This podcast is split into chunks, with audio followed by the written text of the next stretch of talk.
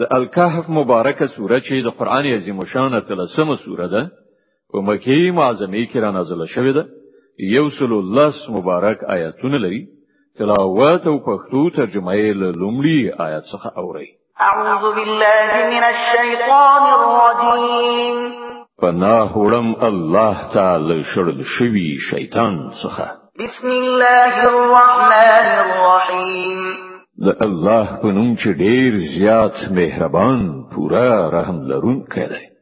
الحمد لله الذي أنزل على عبده الكتاب ولم يجعل له عوجا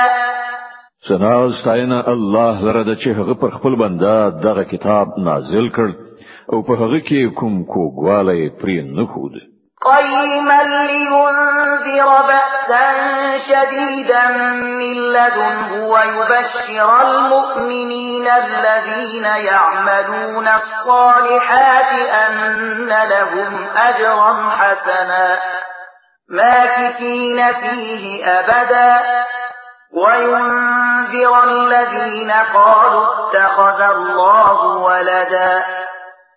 د سمو سیخو خبرو ویونکی کتاب ترڅو چې خلکو ته د خدای د سخت عذاب اختار ورکړي او ایمان راوړونکو نیک عملو ته د دې زیری ورکړي چې د هغو لپاره غوره اجر دی چې په هغه کې به هغوی د تل لپاره وسی او هغه خلک ویروي چې وای الله څوک په زوی ولې سره نیولای دی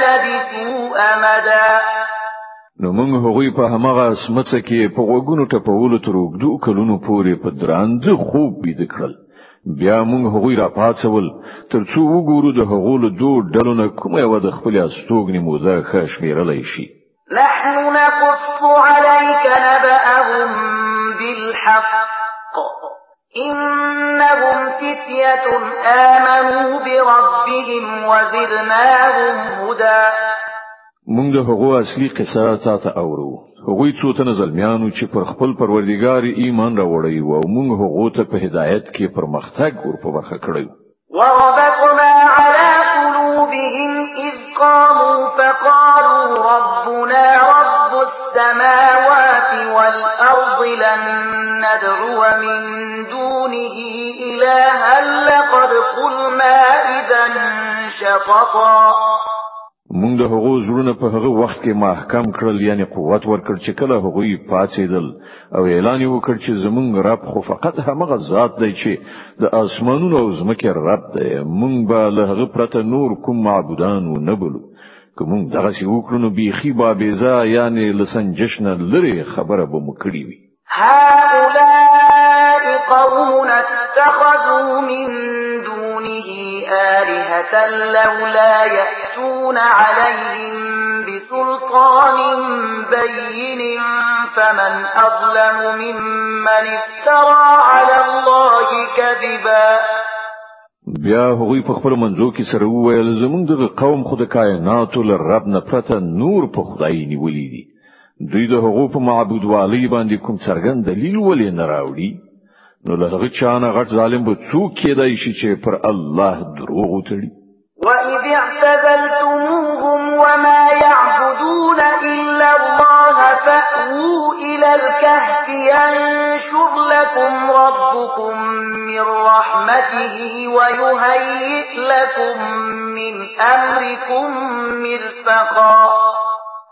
کله چې اوس تاسو له هغو او د هغو له غیر الله معبودانو څخه خپل اړیکې پرې کړې دي نو زوی فلاني سمچ ته پناه یوسي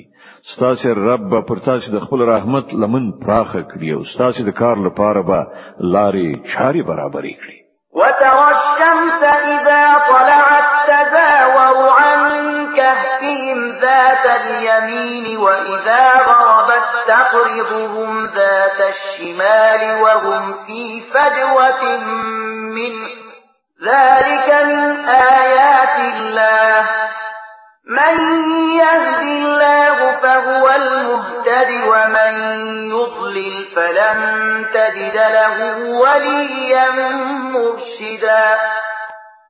که تا هغوی په سمڅه کې لیدلی وای نو داسې به درته ښکاره شوی و چې لمر چې کله راخیږي نو د هغو سمڅه پریږدي خي لوري ته تاویږي او کله چې پریوزي نو له هغو نه کین لوري ته اوړي پریوزي او هغوی په سمڅه کې دننه په یو پراخ ځای کې پراته دي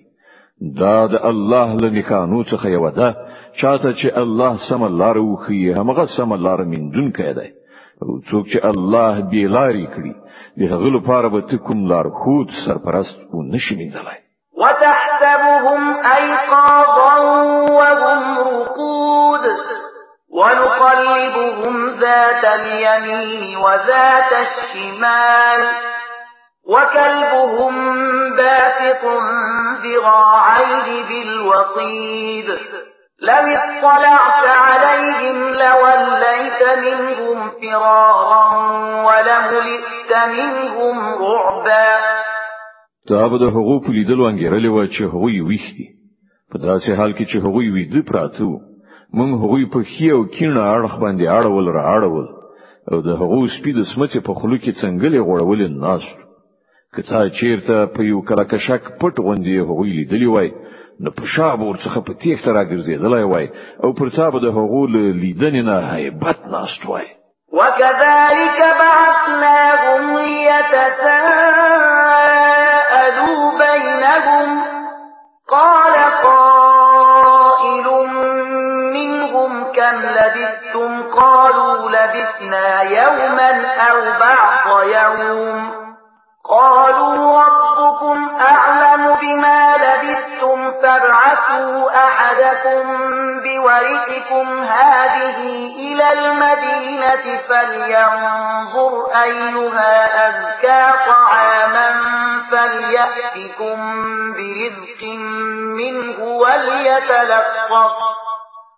فليأتكم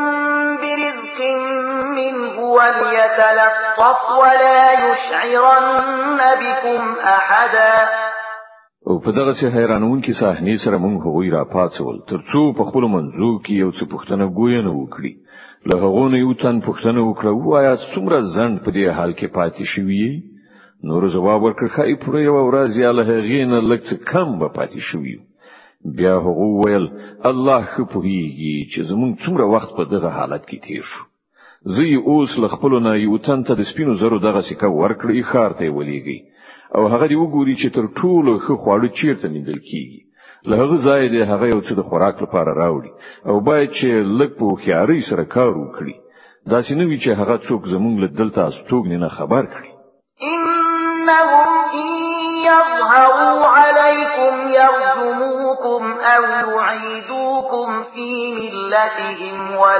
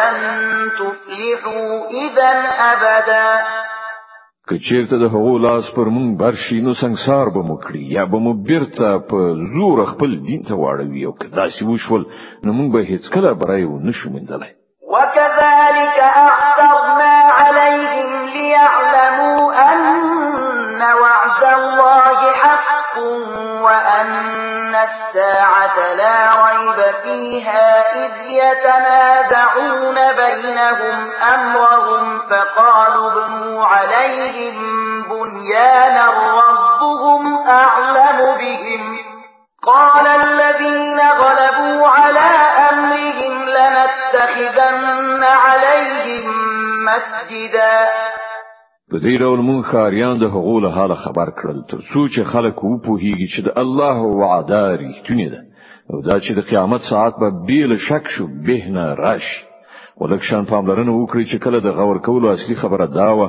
په هغه وخت کې هغه په خپل منځو کې په دې خبره باندې شخړه کوله چې له دغه اصحاب کهف سره څه وکړای شي ځینو ویل پر دوی یو دیوال جوړ کړی یوازې د دوی رب د دوی په چاره ښه پوهیږي خو کوم کسان چې د هغو په چارو برلاسي وو هغه ویل مونږ خو به د دوی پر سمڅه باندې یو مسجد یعنی عبادت خانه جوړ کړو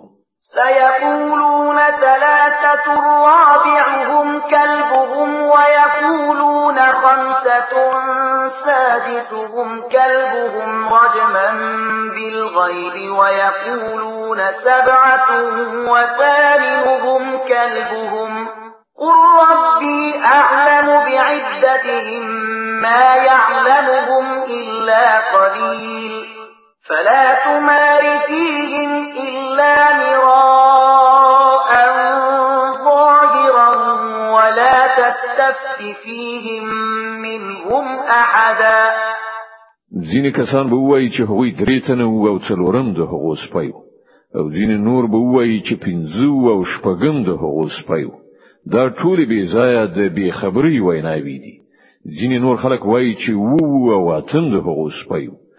وایي زما رب خو په هیږي چې هغوی څو تنو لګو کسانو ته د هغو صحیح شمیر معلوم دی نو تل سطحي خبرې زیات د هغو د شمیر په برخه کې له خلکو سره بحث مکوه او موږ د هغو په باب له چانه څه پوښتنه کوه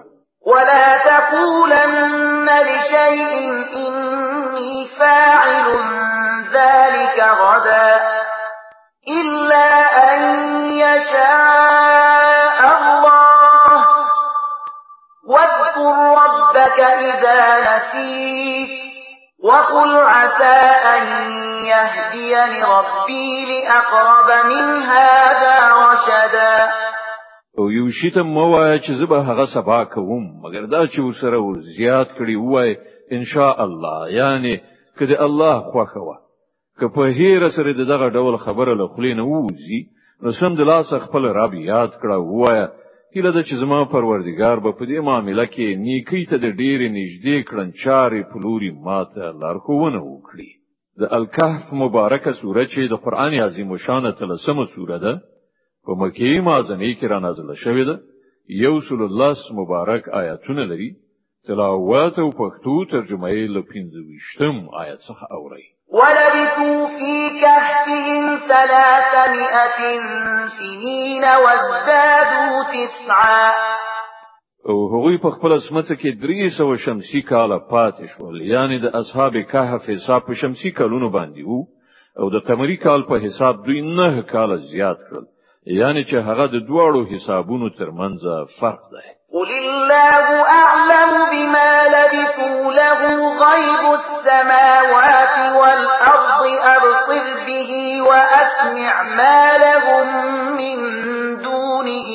من ولي ولا يشرك في حكمه احدا ته وای الله د هغو د استوګنې په موده ډیر ښه پوهیږي د آسمانونو او ځمکې ټول پټ حالات همغه ته معلوم دي هغه څومره خلی دونکي او اوریدونکي دی د ځمکې او آسمان د مخلوقاتو هیڅ خبر اخیستونکي له هغه پرته نشته او هغه په خپل حکومت کې څوک نشریکوي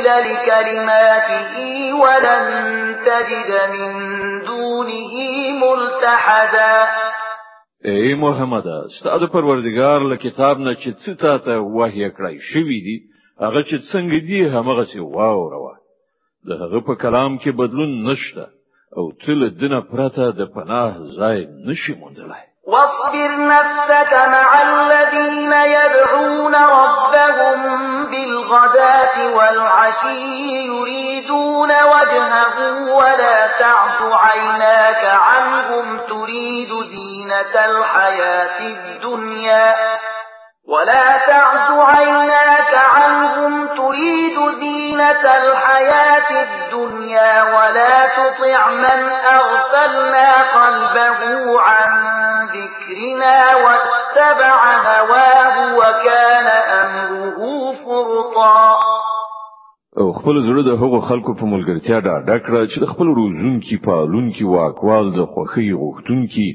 سبا او ماښام هغه ته بلنه ورکوي او له هغه نه هیڅ کله سترګې ماړوه آیا ته د دنیا ښکلا خوښوي د داسې چا اطاعت مکوه چې د هغه زړه مونږ له خپل یاد نه غافل کړی دی او هغه د خپل نفس پیروي غوره کړې ده او د هغه کړن لار په افراط او تفریط باندې ولاړه ده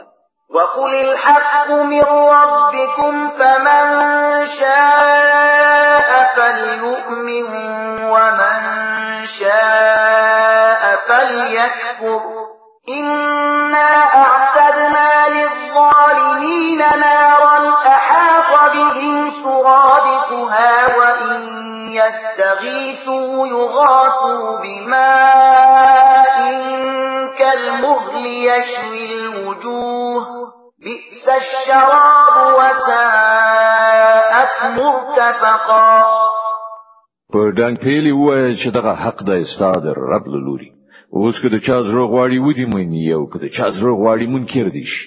موږ د انکار کوونکو ظالمانو لپاره داسې او اور تیار کړای چې د هغه پر دوه غوي سر کړی دي هلته که هغوی اوبو غواړي نو په داسې اوبو سره به د هغو غوښتنه وپالل شي چې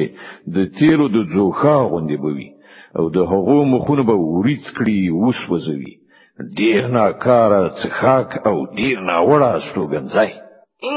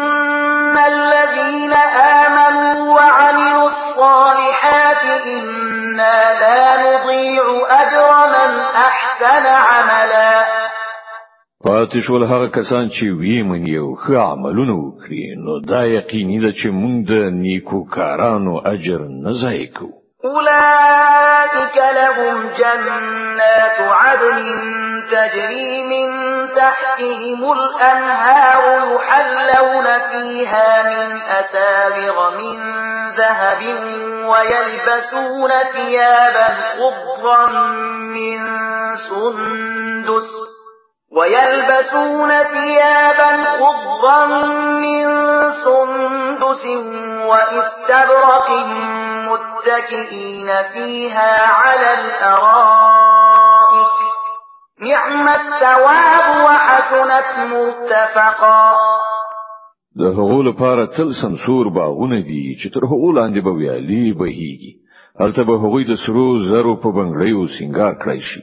د نریو ورېخمو اطلسو او مخملو شنې جامې به واغوندي او د هسکو بالښتونو ته به تکې وهلي کینی ډیر ښه اجر او د لوړې درجې هستوګنځای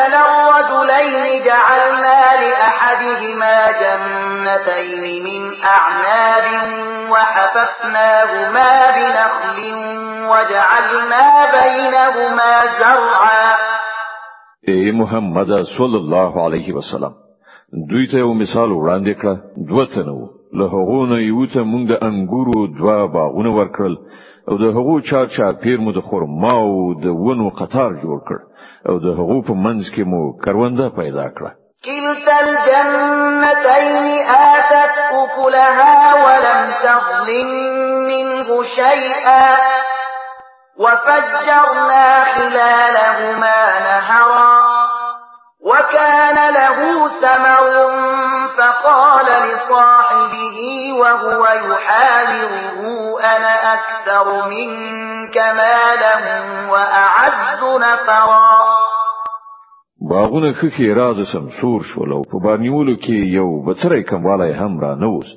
د نن په هغو باغونو کې مونږ یو ویالو وبهوله او هغه ته ښه حاصلات ورکړل د دغه شیانو په منځلو یو ورځ هغه خپل گاونډي ته په خبرو اترو کې وویل زلتانه زیات شتمنیم او لتانه زیات قوي کسان لرم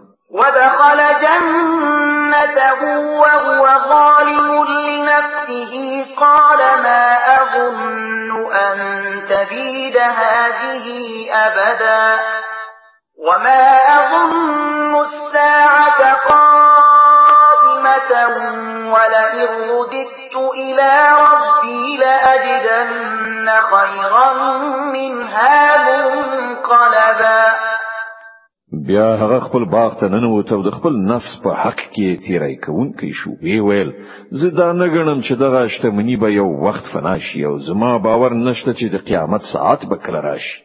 بیا هم که کله د خپل رب حضور ته زما ورګرځیدل شول نو ارو مرو بل دینه هم زیات شاندار ځای ومومه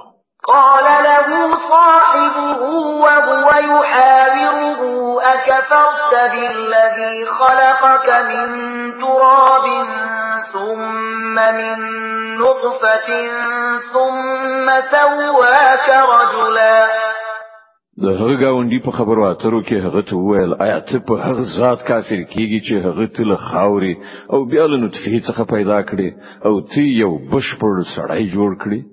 لكن هو الله ربي ولا اشرك بربي احدا پاتې شوم زه نو زما رب خو همغه الله دی او زه له هغه سره هیڅوک نه شریکوم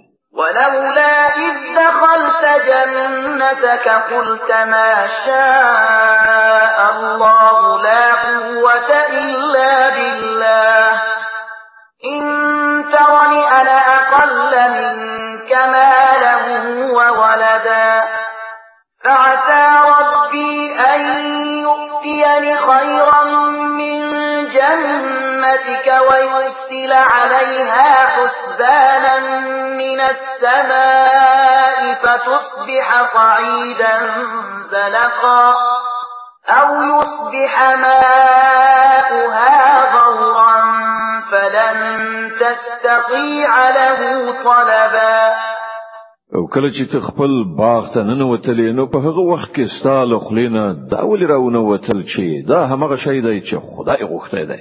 پرته له خدای بل قدرت نشته کته ما په مال او اولاد کې له خپل ځانه ټیټ ویني نو لري نه د چې زما رب ما ته ستاله جنت یعنی باغ نه ډیر غوره را په برخه کړی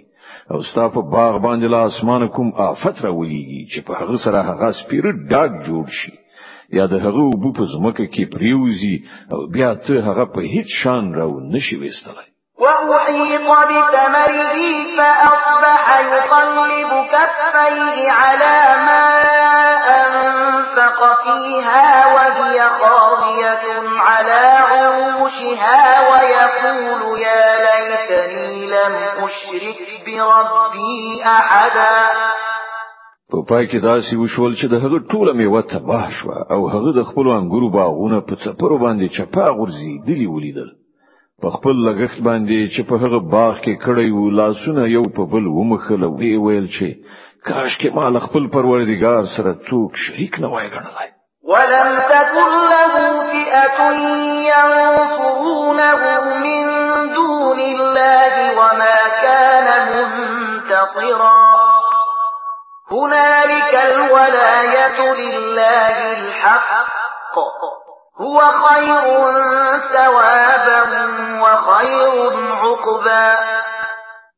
د الله په پریخودلو سره داسې ونشول چې له هغه سره کوم لخر وسی چې له هغه سره یې مرسته کړې وای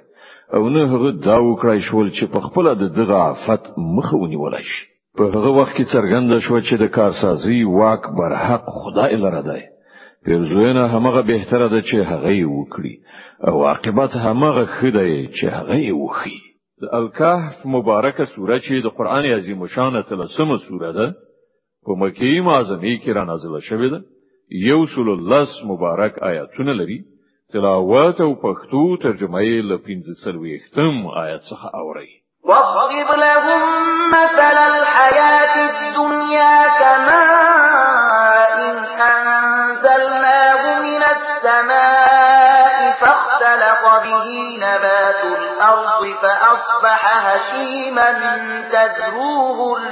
أولياء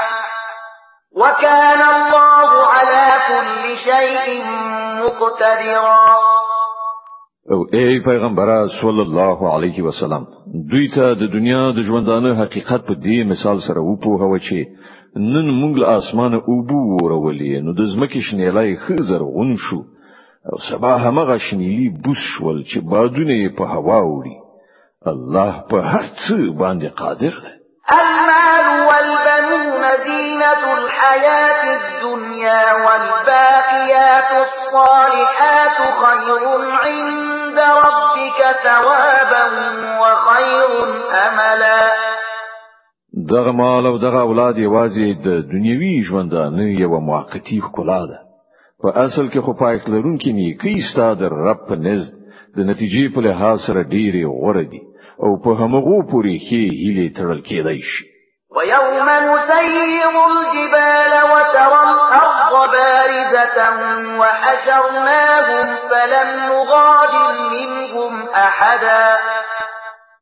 اندېښنه د هغې ورځې په کار ده چې کله مونږ غرونه وخوځو او ته ځمکه بیخي لغړه ومومي او مونږ به ټول انسانان په دغه ډول تر محاصرې لاندې را ټول کړو چې له مخکنیو ورستنیو نه یو به هم پرې نږدو وعرضوا على ربك صفا لقد جئتمونا كما خلقناكم أول مرة بل زعمتم ان لن نجعل لكم موعدا او ټول بساد رب حضور ته لیکي لیکي وړاندې کړای شي دا دی وګورئ راغلی کنه تاسو مونږ ته په همغه شان لکه چې مونږ تاسو لمړی ځل پیدا کړی وي تاسو خدا غنلې و چې مونږ تاسو لپاره د کومي وعده وخت نه دی ټاکلی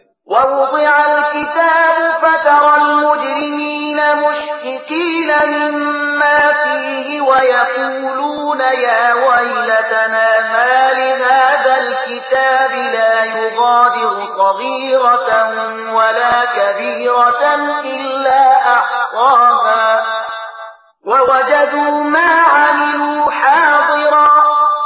ولا يظلم ربك احدا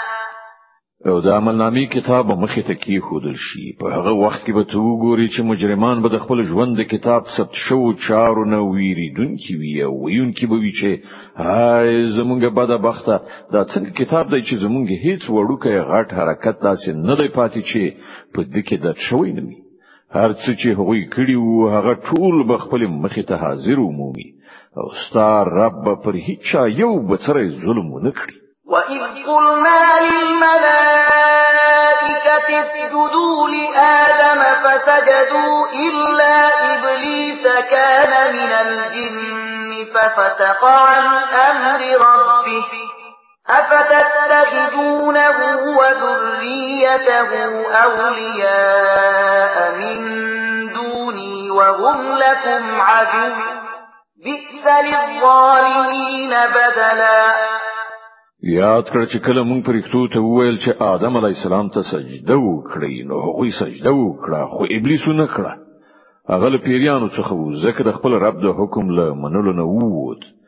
اوس آیا تاسو له ما څخه پرته هغه او د هغه زوزات خپل سرپرستان نیسی په داسې حال کې چې هغوی ستاسو دښمنان دي ډیر ناوړه بدله ده چې ظالمان یې غوړه کوي ما اشهدتهم خلق السماوات والارض ولا خلق انفسهم وما كنت متخذ المضلين عبدا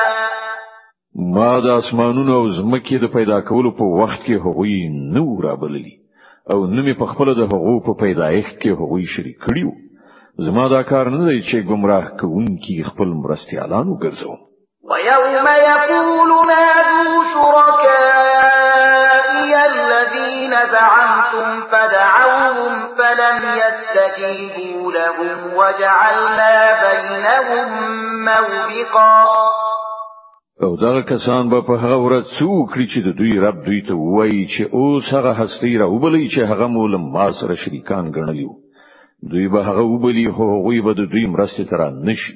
او موږ به د هغو په منځ کې د تباهي همدا یو کند شریک کړو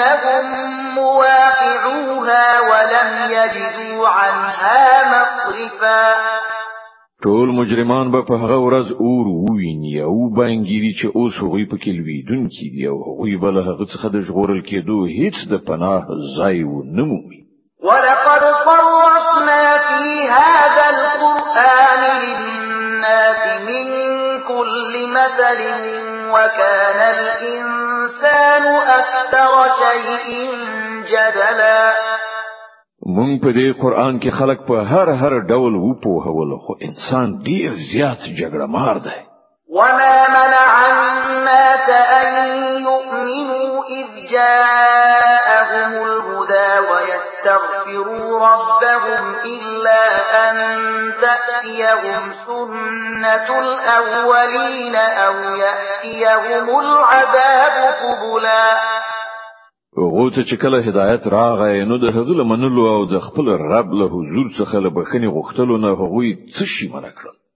له دې پرته نور هیڅ نه دي چې له هغو سره هم همغه څه وشي چې له مخکنیو قومونو سره شوي دي یا دا چې هغوی عذاب مخامخ راتلونکی وویني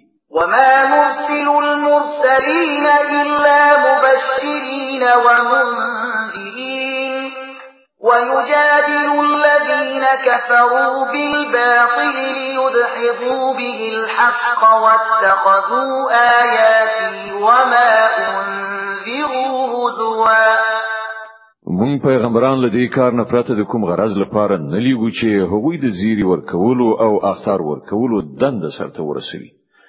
خو د کافرانو حال دا دی چې هغوی د باطل وسله راخیستې د حق د ټیکساری خودلو هڅه کوي او هغوی زمونږ آیاتونه او هغه اختارونه چې ورکړل شول ټوکی ګڼلې دي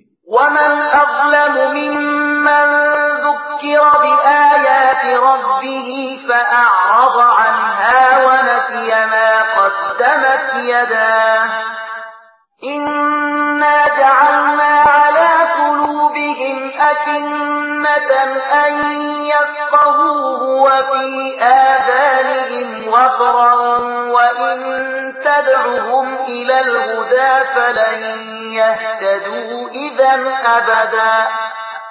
او له هغه چانه غټ ظالم بل څوک دی چې هغه ته د هغه د پروردګار د آیاتونو په اورولو نصيحت وشي او هغه ورڅخه مخ واړوي او هغه ناوړه عاقبت هیر کړي چې د هغه سرشته د ځان لپاره په خپل لاسونو سره کړی ده کوم کسانو چې دغه کړن لار کړی ده د هغو پر زړونو مونږ داسې پوخا چولای دی چې نه پریږدو هغه د قران په خبرو وپوهیږي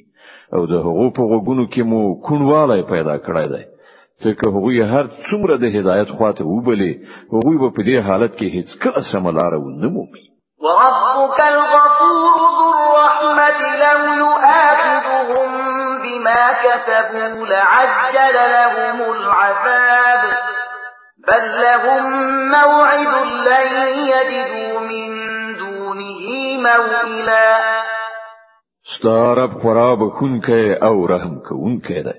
هغه که د دوی په کړو وړو باندې د دوی مؤاخذه کول غوښتلای نو سم د لاسه به عذاب لګلای وای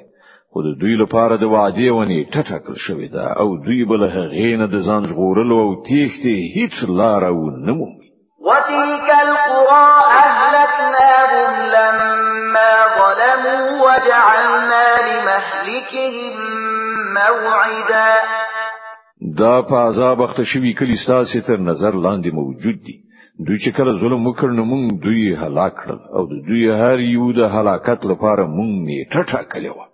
وَإِذْ قَالَ مُوسَى لِفَتَاهُ لَا أَبْرَحُ حَتَّى أَبْلُغَ مَجْمَعَ الْبَحْرَيْنِ أَوْ أَمْضِيَ حُقُبًا دوی ته لږ هغه کیسه واوروه چې موسی علی السلام ته پیښه شوې و کله چې موسی علی السلام خپل خدمتګار ته ویلی و چې زه به تر هغه خپل سفر پای ته ونه رسوم ترڅو چې د دواړو سیندونو یو ځای کېدو حتی ونه رسیږم کنه نو زبر تر ډیره وخت پورې همداسې روان یم فلما بلغا مجمع بينهما نسيا حوتهما فاتخذ سبيله في البحر سربا نو کله چې هغوی دواړه د هغو دواړو سیندونو د یو ځای کېدو حتی ورسېدل نو له خپل ماهینه غافل شول او هغه په داسې شان په سین کې لاړ لکه چې کومه پخه لار جوړه شوې وي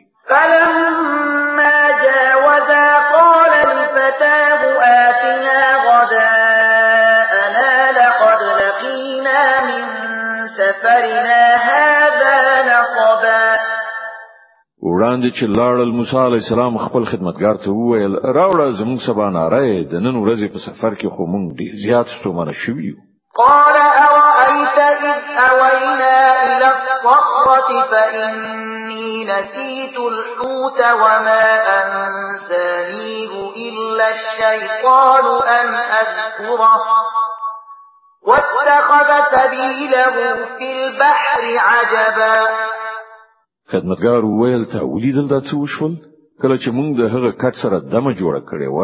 په هغه وخت کې ماهی ته زما پام نشو او شیطان زه داسې په غفلت کې واچولم چې تا ته د هغه یادول را څخه هیر شول ماهی خو په عجیب ډول ووت په سین کې لاړ قال ذلك ما كنا نبغي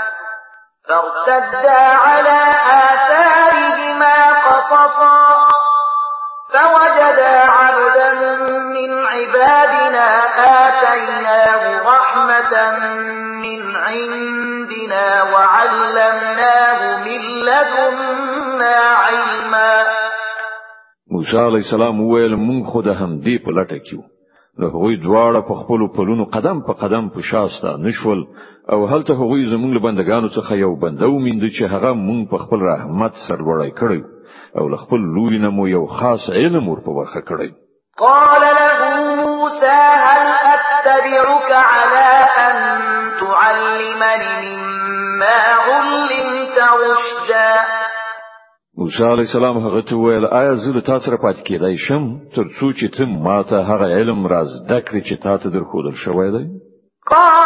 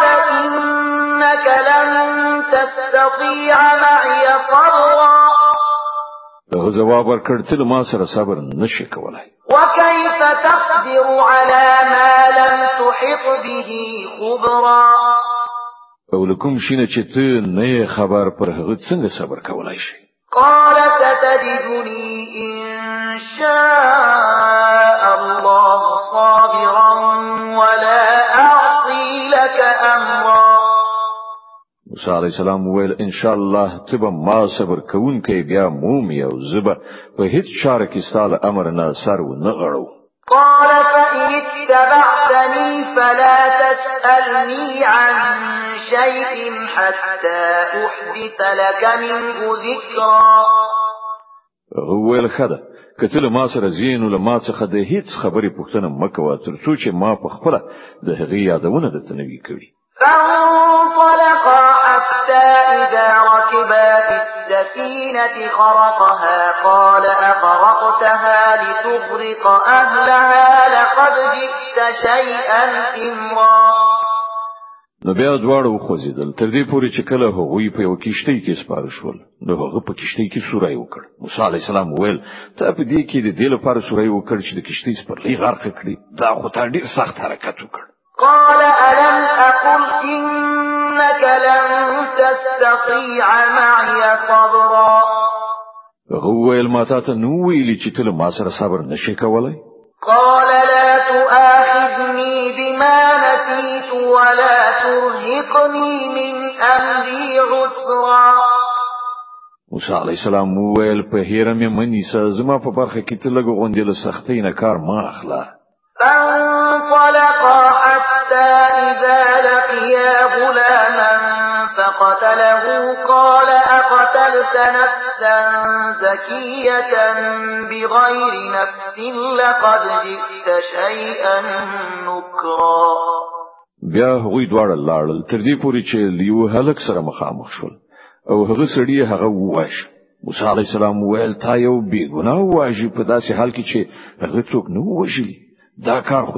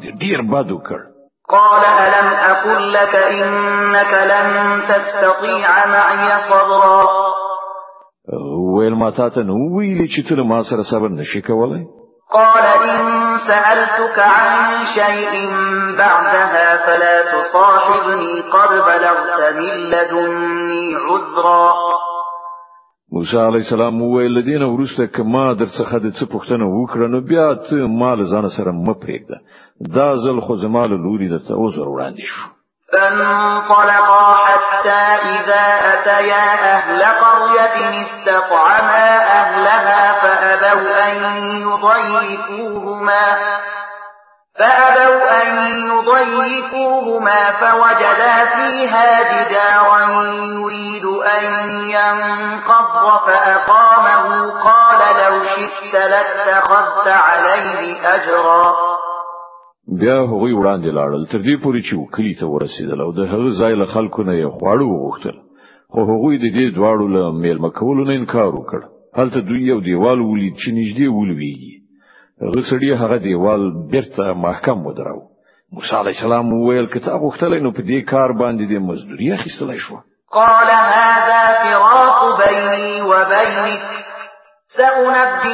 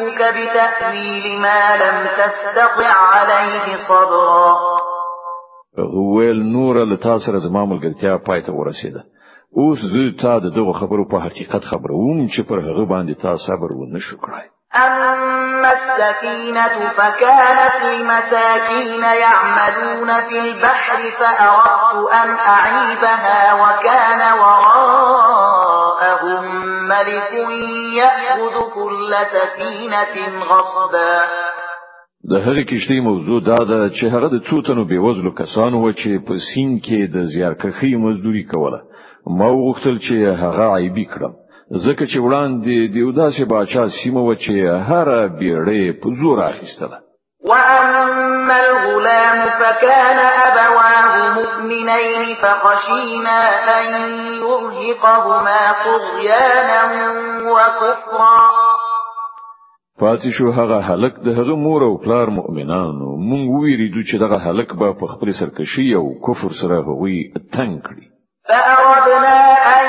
يبدلهما ربهما خيرا منه زكاة وأقرب رحما لدې عمل مونږ غوښتل چې د هغو رب د هغه په بدل کې هغو ته داسې اولاد ورکړي چې په اخلاقو کې هم لدنه خوي او له هغه نه د سله رحم هیله هم زیاته وي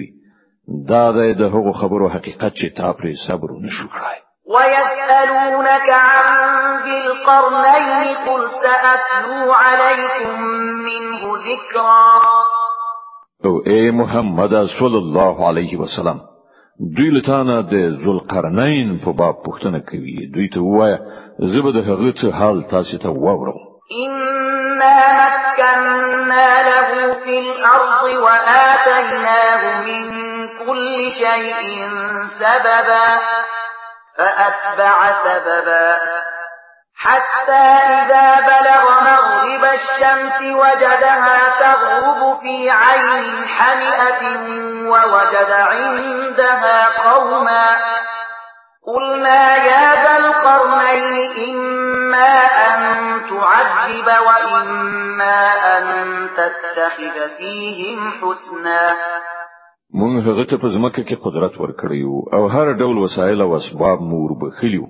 هغه لمړی د لویدیز خواته د اقدام اسباب برابر کړل ان تر دې پورې چې کله هغه د لمر پریواتو تر حد ورسیدو نو هغه لمر په تورو وبو کې ډوبېدونکی ولید او هلته یو قوم ومند مونږ ویل ای ذل قرنینه